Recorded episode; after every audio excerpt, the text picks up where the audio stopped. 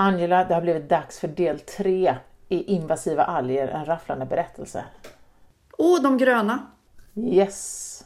Och där har vi en del läskiga typer va? Vi har en hel del ganska gangstriga typer i gröna alger. Vi har ju exempelvis tidigare pratat om Codium fragile. Ja, den du! Mm. Den hade ju en hel del. Den var ju ganska invasiv. Den är faktiskt på topp 5-listan. Tror det eller ej. Shit! Mhm. Men här i Sverige så blev det inte så mycket med den. Varför blev det inte det då? Nej, jag vet inte. Det måste varit att det här är på gränsen av utbredningsområdet, vad den klarar av. Ja, men då, nu måste du bara dra. Vad, vad, vad klarar den av då? Ja, men om vi tittar på vad den har som gör att det är en, en art med hög invasivitet. Så har den ju för det första en hög tolerans mot vad vi kallar för kemisk fysikalisk variation, det vill säga temperatur och salthalt framför allt. Sen så är det hur den förökar sig. Den förökar sig sexuellt, men då måste det ju vara minst två stycken oftast. Den har även vegetativ förökning. Det brukar ju vara effektivare för då kan ju bara små fragment trilla av. Men sen har den även partenogenetisk reproduktion. Ja, det är ju det som är jungfrufödsel helt enkelt. Ja, så en form av asexuell reproduktion fast alltså då inte en vegetativ utan med någon form av fortplantningskropp. Mm, det finns ju många varianter på det där. Ja, vi går inte in på det. Jag tycker inte det, för att vi kan hålla på i evigheter annars. Kör! Det den har också är ju det här opportunistiska beteendet. Att den kan anpassa sig väldigt bra efter vad den får för, för möjligheter. I hemtrakten så att säga, där den kommer ifrån så är den en högväxt art, en så kallad canopy species. Om inga andra sådana finns. Och här har vi det här igen med ordet canopy species, men det är alltså de, de högsta algerna. Träden i skogen om man så vill. Men den behöver inte vara det, utan finns det större arter, då växer den istället som understory art, alltså underväxande art. Buske! Ja, buske eller örtskiktet eller vad man nu vill kalla det. Om det är så att det finns mer konkurrens om ljuset. Så den har alltså inte en, en direkt liksom, nischplacering vad det gäller var i, i lagren med ljuskvaliteten den vill ha. Den klarar sig med mindre. Det är väldigt bra.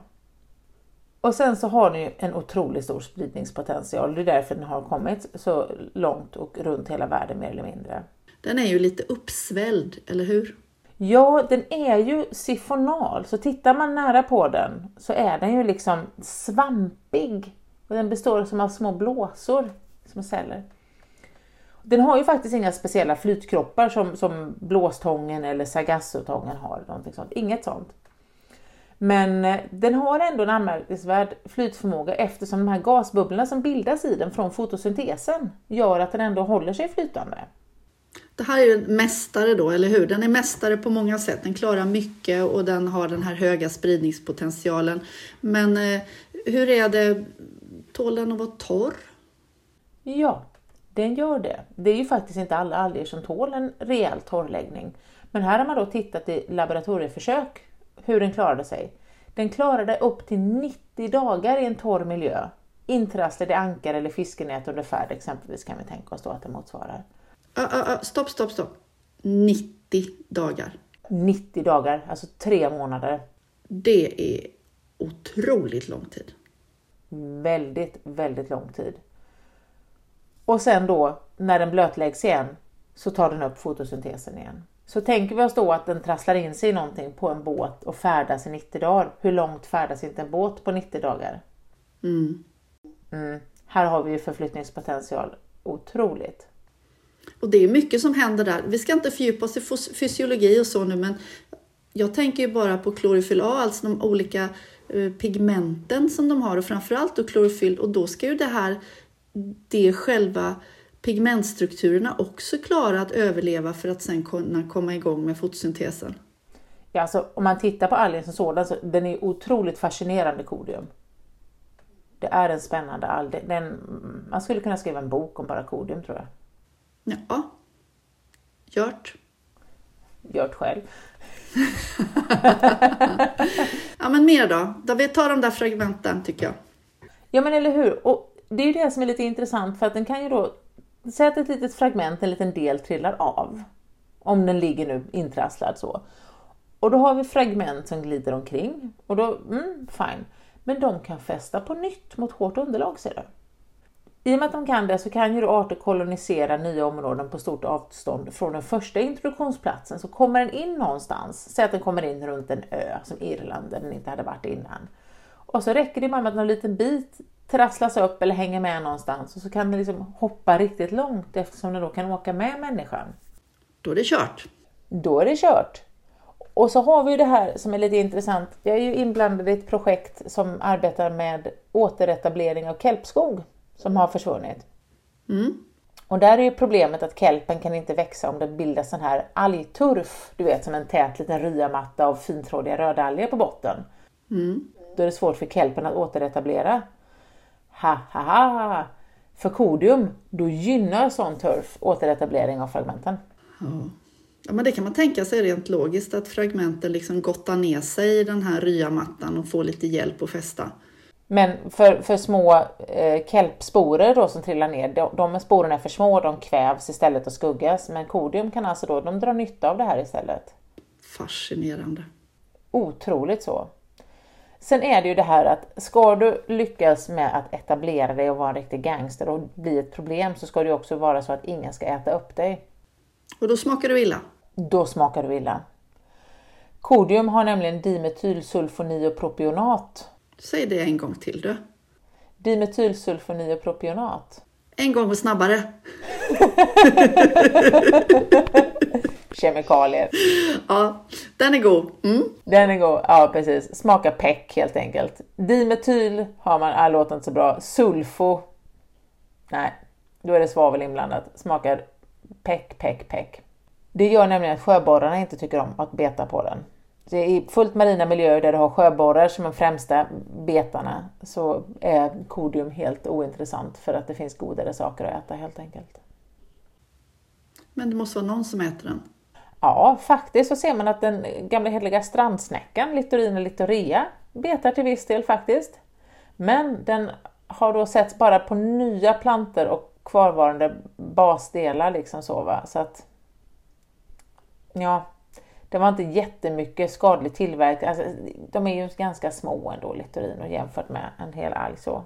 Mm. Så var algerna de växte snabbare än vad snäckorna betade. Så det var ju liksom, tack för hjälpen, men nej. Sen vet jag också att den här underbara gröna sammetssnigeln, Elysia viridis, äter jag också på den. Det har också studerats. Okej, okay. ja, ja, men då, den har vissa betare i alla fall. Ja, det har den. Men det är ganska intressant att se att alla de här faktorerna som gör att man har potentiell att bli en invasiv alg klickar in på kodium. Så jag förstår ju skräcken när den kom till Sverige. Att man tänkte att det här kommer ju bli, bli illa och det är fantastiskt att det inte blev så illa. Men tycker du att vi kan slappna av än vad det gäller kodium i Sverige? Alltså, vad ska man säga om kodium? Det är ju inte någonting så här, man, åh, kodium, och jättefarligt och den finns överallt. Det är ju inte så där som att man, man ser och uppmärksammar sargassum då, sargassotången exempelvis, den får mer uppmärksamhet. Men kodium upplever jag verkligen har varit under radarn. Mm. Ja, det skulle vara intressant att titta mer på hur den dynamiken har ändrats under åren. Har den långsamt anpassat sig till det svenska? Kommer den komma att bli ett problem när den har anpassat sig? Eller är det så att den blir etablerad så att om den skulle försvinna så skulle vi ta upp den på röda listan? Ja, det, det tror jag inte vi kan göra faktiskt när det är en introducerad art. Intressant. Mm. Värt att fundera på när blir den inhemsk? Vi har ju pratat om det här år 1800. Man måste ju vara lite pragmatisk och bestämma ett årtal, de som har kommit efter 1800 då och så vidare. Men de som kom 1790 då, om man nu kan ta reda på det, de kan ju ha varit minst lika främmande och invasiva. Som sagt, vill man veta mer om kodium så kan man ju lyssna på tidigare avsnitt när vi grottar ner oss lite grann i, i den arten av spridning etc. Men nu Angela så tänkte jag att vi eh, trycker i oss några Valium och så tar vi tag med värstingen Kaulerpa taxifolia. Ja, äntligen! Go to town! Åh, vad, alltså, ja, det är med skräckblandad förtjusning jag pratar om Kaulerpa taxifolia. Och det är så att jag hatar ju egentligen när man säger mördaralger. Jag tycker det är ett så dumt begrepp. Men här vill jag faktiskt säga åtminstone monsteralgen Kaulerpa taxifolia. Mm. Man skulle kunna ha en skräckfilm om den här rackaren. Vet vi du kan kluta till på halloween. Ja, big time! Men alltså, vi har inget svenskt namn. Du är expert på svenska namn, men vad jag vet så har den inget svenskt namn. Den, nej, den har inget svenskt namn för den finns inte i Sverige än. Nej, så därför har den gått under beteckningen mördaralg. Men som sagt, det glömmer vi. Monsteralg kan ni få se om ni vill. Den är väldigt populär i akvarier och den har ett sånt där litet fransigt utseende och den är ju, det är ju en grönalg. Taxus, Taxifolia taxus kommer tydligen från idegran har jag förstått att den har, liknar. Japp, stämmer. Ja. Men det är så här att det här är en tropisk alg och en köldresistant eh, variant upptäcktes i eh, Stuttgart 1980 och nu kommer det, det skrämmande, fiffiga, roliga, läskiga på allt. Allt på en gång. Håll i dig, håller du i dig? Jag håller i mig. Bra. Det var ett tropiskt akvarium. Och den var så häftig nu då för att den plötsligt kunde tåla lite kallare temperaturer så då delar man ut den till andra akvarier i området. Alltså i Paris och i Monaco och andra ställen i Frankrike. Och sen vet du, fyra år senare så hittar man en kvadratmeter av den här arten nedanför det Oceanografiska museet i Monaco. Och nu tog det fart, eller hus i Helsike. Fem år senare, det vill säga fem år, så hade den expanderat till ett hektar. 10 000 kvadratmeter, från en kvadratmeter till 10 000 kvadratmeter på fem år. Det är en rätt rejäl ökning. Mm. Och sen ytterligare ett år senare så hittade man den, alltså 1990, så hittade man den fem kilometer från Monaco vid Cap, Cap Martin. Jag vet inte vad man säger, det ska säkert uttalas på, på franska. Men eh, så här kan det alltså gå då. Så det var, det var en olycka eh, att den släpptes ut från det här museet i Monaco. Oj hoppsan. Mm -hmm, och kom ut i Medelhavet. Och nu tar den alltså kol då på stora delar av det naturliga ekosystemet. Den, den kväver det. Och vid slutet av år 2000 så hade Kaulerpan, det här är alltså då en variant, så det finns en Kaulerpa taxifolia som inte är en, främ, alltså en främmande invasiv på det här sättet.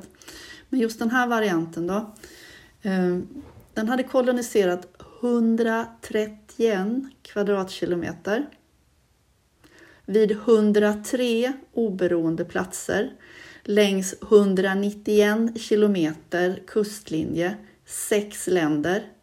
Spanien, Frankrike, Monaco, Italien, Kroatien och Tunisien. Jävlar. Mhm. Mm och vad kan vi lära oss det här då? Vi kan lära oss att eh, tänka efter före.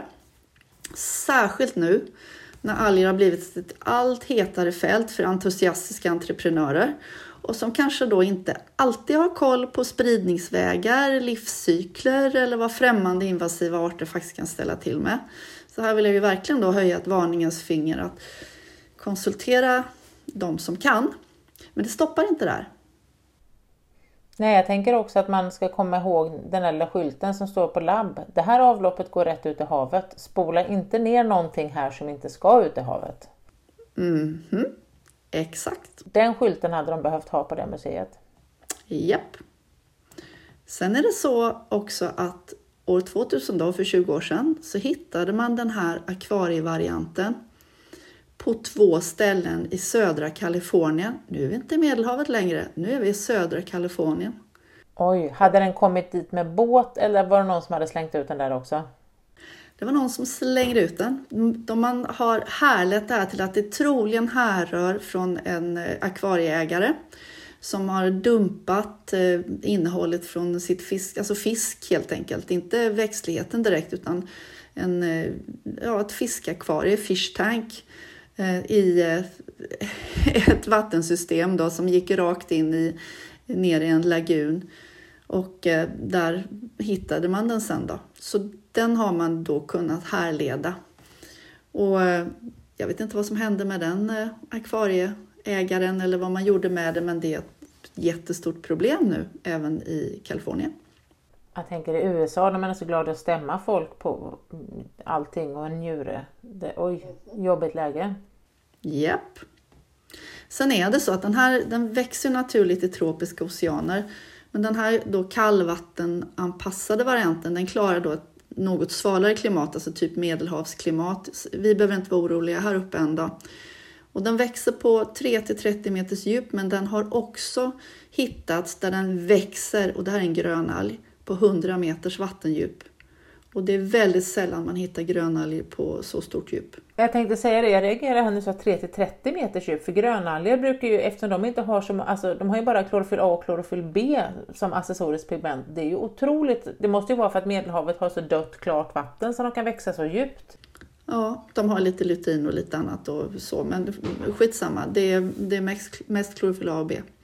Ja, det är det. Och eh, eh den har också hittats i Australien där den då finns naturligt i de tropiska vatten i nordöstra delen men nu hittar man den nära Sydney och Adelaide i södra delen och där är den också då sannolikt introducerad.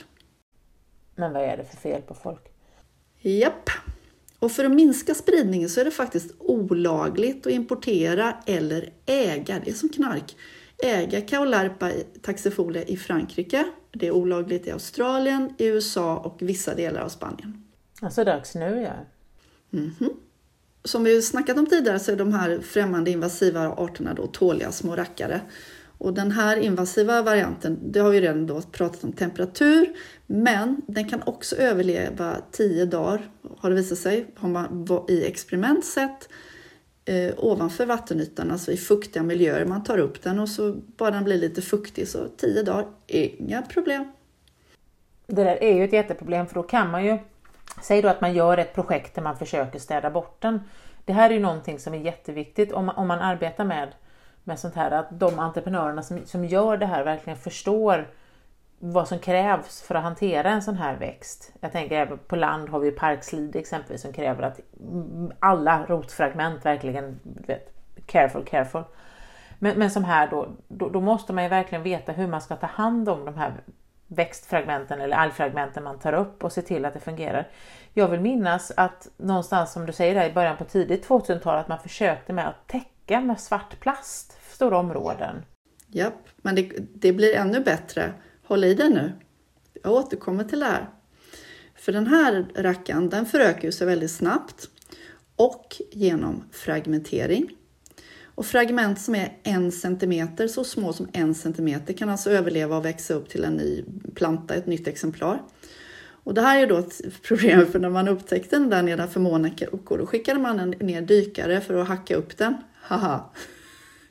Så man hjälpte till att sprida den genom att hacka upp den i små bitar. Det är ungefär som när man säljer mossrivare. Om man bara, ja. Men är det inte någon som förstår att en mossrivare bara sprider mossan? ja, så jo då. Och sen som du säger så försökte man också täcka den. Det hade man väl viss framgång med väldigt, väldigt lokalt, men det höll ju inte. Nej. Det går ju inte att täcka, jag menar man skulle täcka med svart plast under vatten, ytor stora mm. som fotbollsplaner. Nej, alltså minsta vågrörelse, det, det, förstår man ju att det inte gick. Och man försökte introducera en eh, nakensnäcka från USA också då som åt den här naturligt, den, ja, den in, icke-invasiva varianten. Men eh, det lyckades inte heller. Nej, för det minns jag också att det var. Just det. Nej, nej, vi kan ju fråga Australien hur det går med att introducera arter som ska ta hand om andra arter som man har introducerat. Ja, precis. Det brukar inte gå så bra. Nej, jag har fortfarande inte sett ett lyckat exempel på det. Nej, kära någon. Oh. Men alltså, det är fortfarande så här att det, det mesta spridningen av den här då, det är genom ballastvatten, precis som de flesta andra, eller att man dumpar akvarieväxter det är, det är också en stor grej. Och det är faktiskt olagligt. Men de kan ju då även lyfta med ankare och fiskeredskap eller också helt enkelt med vattenströmmar. Så det finns ju ett mått av naturlig spridning också. Ja, men man tänker ändå ballastvatten, det är svårt det här just i och med att man då inte ser som sagt små fragment på en centimeter kan sprida sig och de, de klarar pissiga förhållanden några dagar. Men just det här med att, att gå ut och tömma en akvarietank, det, liksom, det behöver du ju inte göra i ett vattendrag. Gör det på marken, på en kompost. Se till att inga fåglar gräver i det och tar med sig fragmentet. Det är, så, det är ju så lätt att förhindra. Mm, precis. Vill du höra mer om monsteralgen? Kör! Ja, förutom att kväva andra algarter och kväva sjögräs eller faktiskt fastsittande vertebrater, alltså djur, så bildar den ett gift. Surprise! Så den bildar kaularpenin. Såklart. Och när algätande fiskar då tuggar i sig det här så ackumuleras giftet i köttet och eh, gör det olämpligt för oss att äta.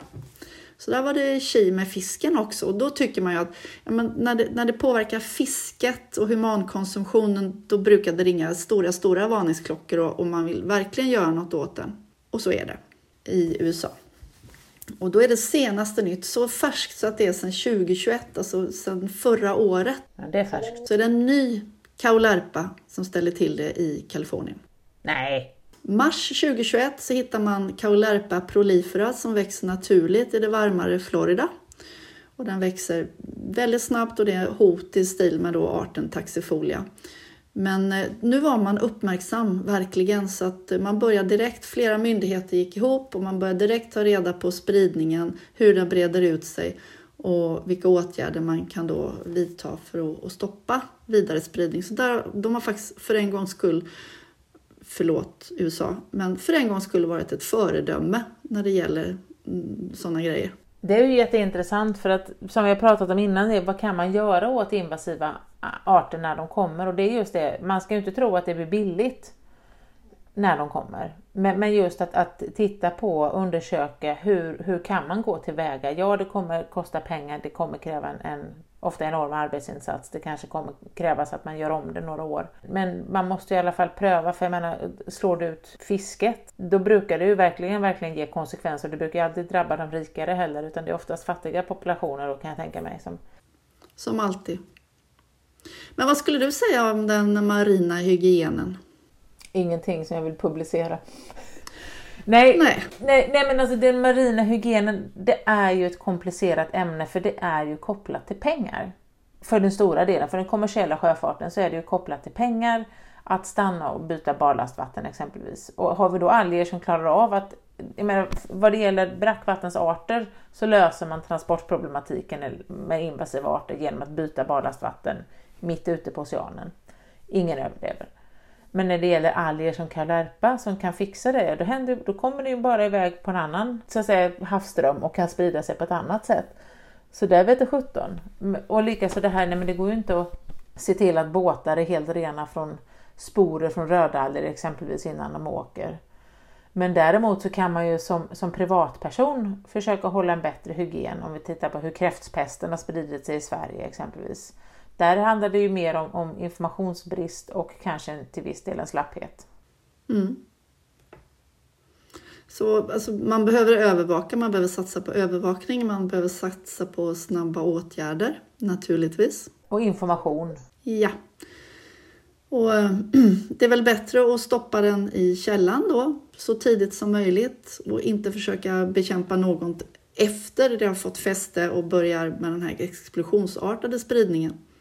Nej men precis, men också det här, jag tror det är viktigt för det är svårt och jag tror att man då också måste inse att det är svårt och ta hjälp av experter istället för att sitta och säga oj det här är svårt och så göra ingenting. Precis, precis. Ja. ja. Finns det något bra med de här då? Nej, inte om vi kallar dem invasiva, då finns det banne mig inget bra. Främmande arter däremot, som inte blir invasiva, kan bli något bra. För de hotar inte det inhemska ekosystemet för då får de ju inte epitetet invasiva. Nej men precis och där har vi det här att, att, i vissa ekosystem som är artfattiga, som vi har tidigare nämnt Östersjön bland annat, där skulle det nästan behövas lite fler arter som kom in och hjälpte till. Men, men som sagt då utan att vara invasiva. Mm. Jag tycker det är en intressant tanke och jag tycker att det kan vi lämna åt våra lyssnare och fundera på medan eh, vi går ut i solen kanske.